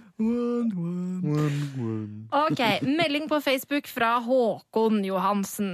Hei, dere etterspør flere teorier eh, og diskuterer i Godt-podkasten. Ja, det gjør vi. Som dere sier, har Cersei ikke særlig mye til her igjen. Hva med en eventuell allianse med Euron? Ja, Det tror jeg kommer Ja. til å skje. Veldig bra forslag, Håkon. ja, Vi sier bare ja på det. Ja. Skal vi si, utdype det? Skal vi, Ja, vi kan utdype det, fordi greia er jo at nesten alle andre er på det andre laget. Så Ja. det er nesten ingen flere igjen. Og hvis vi skal få et slag før vi får slaget altså Vi vil jo ha Cersei vers, altså prøve å forsvare trona Ja. mot eh, Danny, og da må vi jo ha noen på det laget. Ok, unnskyld meg. Cersei hater jo å gifte seg med folk hun ikke er så fan av. Hun vil jo bare ha seg med Jamie hele tida. Eh, men eh, eh, Euron skulle jo Han ville jo gifte seg med Danny. Han skulle jo på en måte komme seg inn den veien. With his big fat cock. Ja, Han skulle komme seg inn han skulle den komme seg veien. inn den veien, ja. Mm, det er korrekt. Ja, det skulle han. Eh, og da tenker jeg kanskje han skal komme seg inn den, inn den veien med Cersei. Altså, eh, er, det, er det en mulighet? Altså, det var jo på en måte hans åpenbare liksom, første reaksjon omtrent, var jo at han skulle gifte seg med Danny. Ja, det var Så jeg liksom- tenker at det, det, det, det, det er jo ikke nødvendigvis um, det er ikke personen i Eurons forestående giftermål som er den viktige tingen for han, Nei, Nei, det er makt. Så jeg er Makt! òg eh, Makt! Sant? Det er ikke utenkelig at uh, Cersei uh, At det er det han vil foreslå. Uh, hvorvidt Cersei faktisk takker ja til et faktisk giftermål, er jo en litt annen sak. Ja. Men det som er kult med det potensielle partnerskapet, da, er jo at de er begge skikkelig rasshøl. Nå har ikke vi fått sett Euron som det rasshølet han egentlig kan være i bøkene sånn, enda, for han jo har da, vært så altså- lite på Ja, skjermen. altså- jo, jo. Jo, Men da, men altså- litt sånn Hei, pappa, jeg har ikke sett deg på årevis. Nå dø. Eh, Snakkes. Ja da, men det var action-varianten av en. Men han er jo sannsynligvis en ganske drøy type eh, oppi hodet sitt også. Og eh, nå har vi jo mista på en måte gamlemor uh, Tyrell. Og Cersei i den der 'vi er på lag, men vi hater hverandre'. Så da Mm. Cersei kan- har jo ingen på lag nå. Nei, Ingen! Men det er jo ikke så rart. Nei, nei, men nei, det er jo ikke Ja. det. Men altså, hun må jo få noen Hun, hun Ja, hun skjønner må- jo selv at hun må få noen på laget sitt. Hun må det, og da tror jeg, men jeg tror også dynamikken mellom dem kan bli kjempeartig å se Mm. på i en episode, hvis det nå blir sånn at uh, de skal være et uh, tohoda på en måte ledertroll for, Ja. for den her. Men, men det blir ikke noe romanse her. Jeg tror ikke det blir noe bryllup heller. Men jeg tror det kan bli et sånt der, sånn eh, friendship that benefits both of us. Tror du Jamie kommer til å hate på Euron, eller? Ja. Oh yes. Fordi, fordi som vi har sagt før, at Jamie kan gjøre despicable things, men han er eh, god eh, på bunn, og det er jo absolutt ikke Euron. Men han er litt kul. Euron er kul, da! Han er Ja. dritkul! Ja. Det eneste som irriterer meg, er at eh, han har to øyne i serien, for i boka har han bare ett. Hva skjedde med det blå skjegget til Dario og Ja. det ene, Det sitter altså, fremdeles fast i postkassa en eller annen plass i, eh, på Essos. Jesus.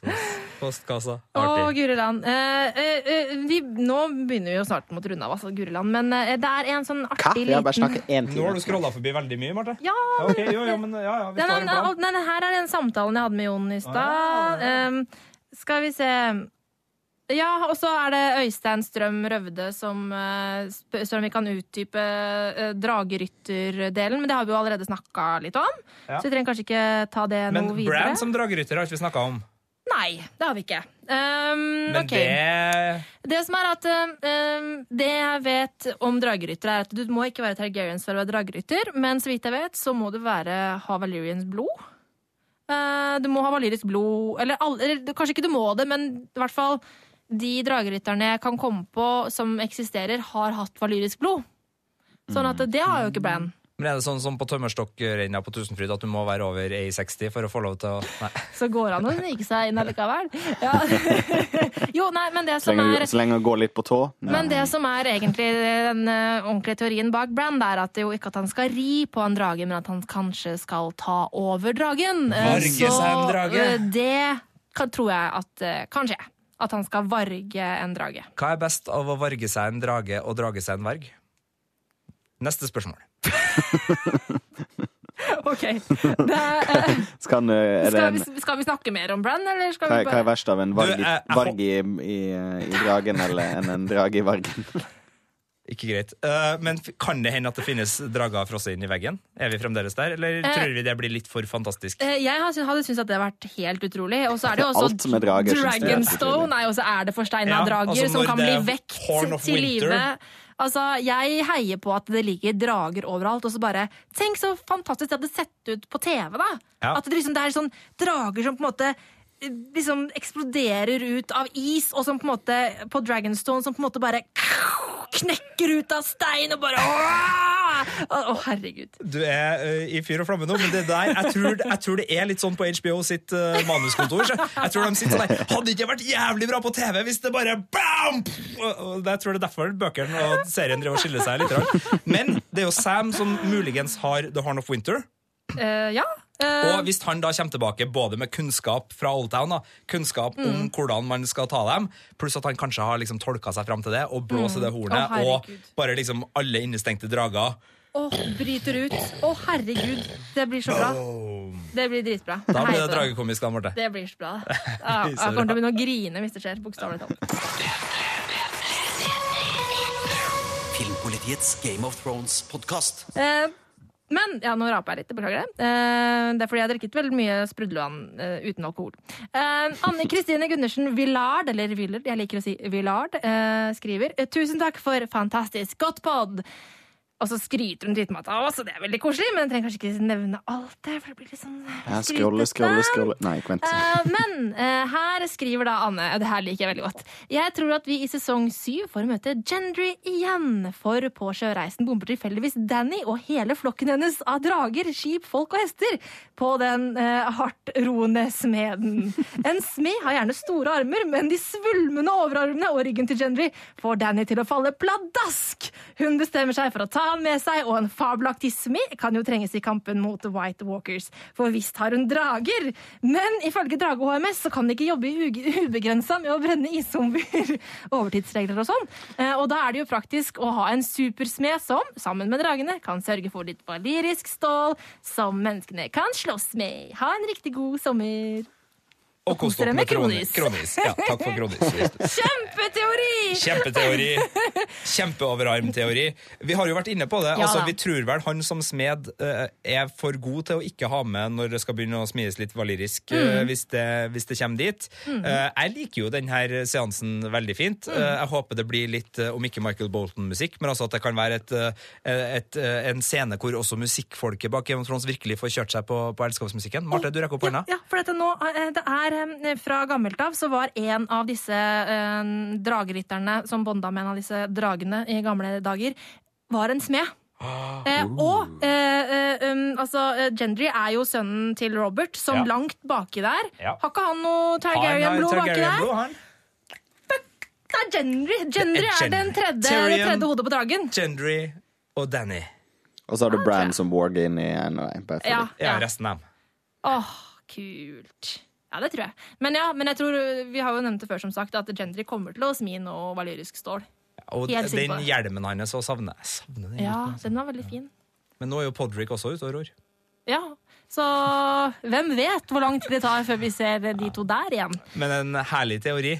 Og Ja. jeg syns jo det er på tide at uh, Danny finner seg noen uh, på sin egen, eller holdt jeg på å si, eller noen hun har, hun har lyst til å henge med, og ikke bare taktiske. Nå har hun mista Dario, som hun syns var uh, fun, fun, fun på Ja. sydenferie i Esos.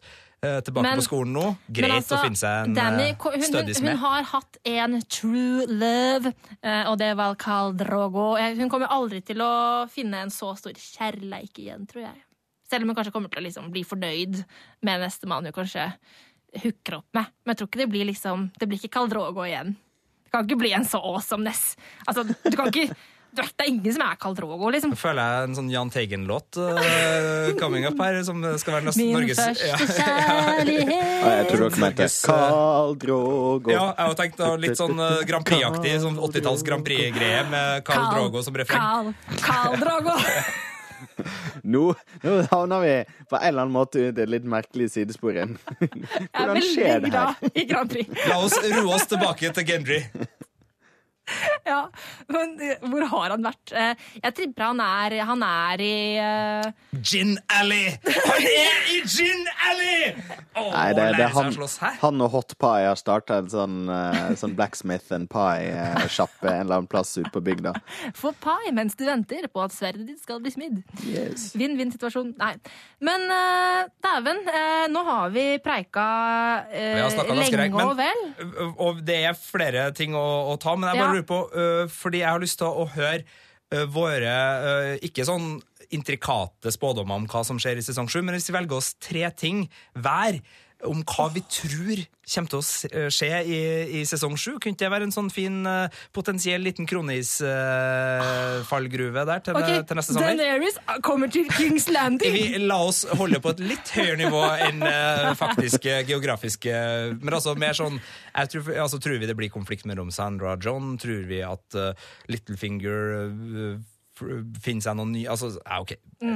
Vi får velge sjøl, men, men tre ting hver som vi tror, Ja. tror skjer i sesong okay. sju. Skal vi ta én ting av én hver av gangen? Ja, vi tar rundt, okay. rundt bordet. Hvem skal begynne? Andreas begynner. Jeg tror Det har jeg har vel strengt talt allerede sagt i denne podden, men jeg tror at eh, John og Sansa blir uvenner og ender opp med å på en måte såpass krast at de i hermetegn går fra hverandre eh, og eh, ikke ikke holde holder fram samarbeidet. Og det førte til at eh, Sansa kommer nærmere på Littlefinger. Sigurd? Jeg tror at Bran krysser veggen, og at det opphever magien, sånn at uh, noe av det siste som skjer i neste sesong, er at uh, The Night King får åpna Vesterås og resten av verden for seg. Det har jeg også nevnt før, men det tror jeg skjer i neste sesong. Ok, Jeg tror at eh, Jeg føler at alt blir så enkelt. Men jeg tror at eh, John finner ut hvem han egentlig er. Jeg tror at ehm, Jeg tror at Euron kommer til å finne noen andre samarbeidspartnere enn Cersei først. Eh, men så etter hvert måtte pense inn på hennes eh, spor. Jeg vet ikke hvem det skulle vært, men det, det må liksom Det må komme noe mer enn bare Cersei, tror jeg, i hans, eh, hans, på hans gode side. Kan du utdype? Nei, det er det jeg er litt usikker på, men jeg, bare, jeg føler at det må være noe mer enn bare sånn at de to største slemmingene blir venner, på en måte. Det må skje et eller annet mer der. Jeg tror Cersei dør neste sesong. Ok, ok. Du, det tror du? Jeg tror at det er Jamie som dreper henne. Er det lov? Nei, det er egentlig ikke det, men uh, vi, kan, uh, vi kan dele den.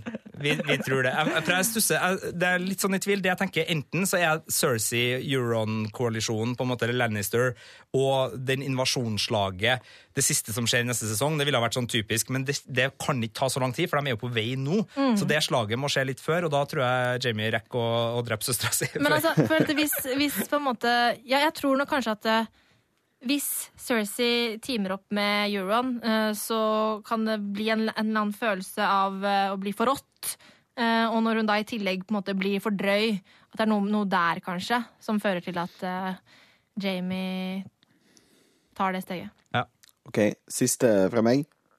Eller har dere tatt tre nå? Nei. Jeg har tatt to. Du har tatt to? Ja. Men jeg har tatt to. Da tar du en til. Da tar jeg en til. Uh, Clegane Bowl skjer. Åh! Jeg har lyst til å kysse deg nå, Andreas. Hvor fantastisk hadde ikke det vært? Åh! Åh!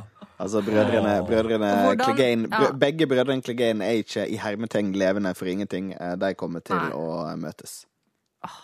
Det blir vakkert. Jeg kommer ikke på hva jeg tenkte for ett minutt siden. Marte, kan du? Um, ja, ok, men da tror jeg jeg eh, går inn på den Brienne-delen. Jeg tror Brienne gjør noe helt forferdelig uh, som eh, ødelegger hun litt som menneske, men at hun eh, Hun, hun forrå... Jeg tror at Brienne forræder noen, forråder noen. Ut. Altså, hun blir forræderi. Oathbreaker. Hun blir Oathbreaker. Hun blir outbreaker på et eller annet punkt. Enten med. Sansa eller uh, Ja. Brienne Caitlyn. blir Eller, outbreaker. ja. Mm. Er det for enkelt å si at jeg tror Yara og Danny hooker neste sesong? Hooking! Bow, bow, bow, bow. Ja, det håper jeg. Jeg håper det. Jeg håper egentlig det. Men den er, den, den er kanskje litt for enkel? Ja, et, ehm, du, det er lov å si det. Hvis du tror på det på ekte. Ja, det tror jeg. Du tror det? Ja. Ja, for det tror ikke jeg. Nei. Men da kan vi, da kan vi ha et lite Altså, veddemål på altså, det. jeg tror de har sex neste sesong, ja. Tror du det? ja. Danny swings Jeg tror, ikke vi both får, ways. jeg tror ikke vi får se det sånn eksplisitt, men jeg tror de kommer til å våkne opp i samme seng, og så kommer noen inn og sånn Ja. 'Frue, frue, du brenner på kjøkkenet!' Og så er det sånn 'Å, hva, kjøkkenet?' Å. Ja, For den var veldig fin, den scenen mellom de to. Ja, det var veldig god kjemi. Jeg Mm. de fortjener hverandre.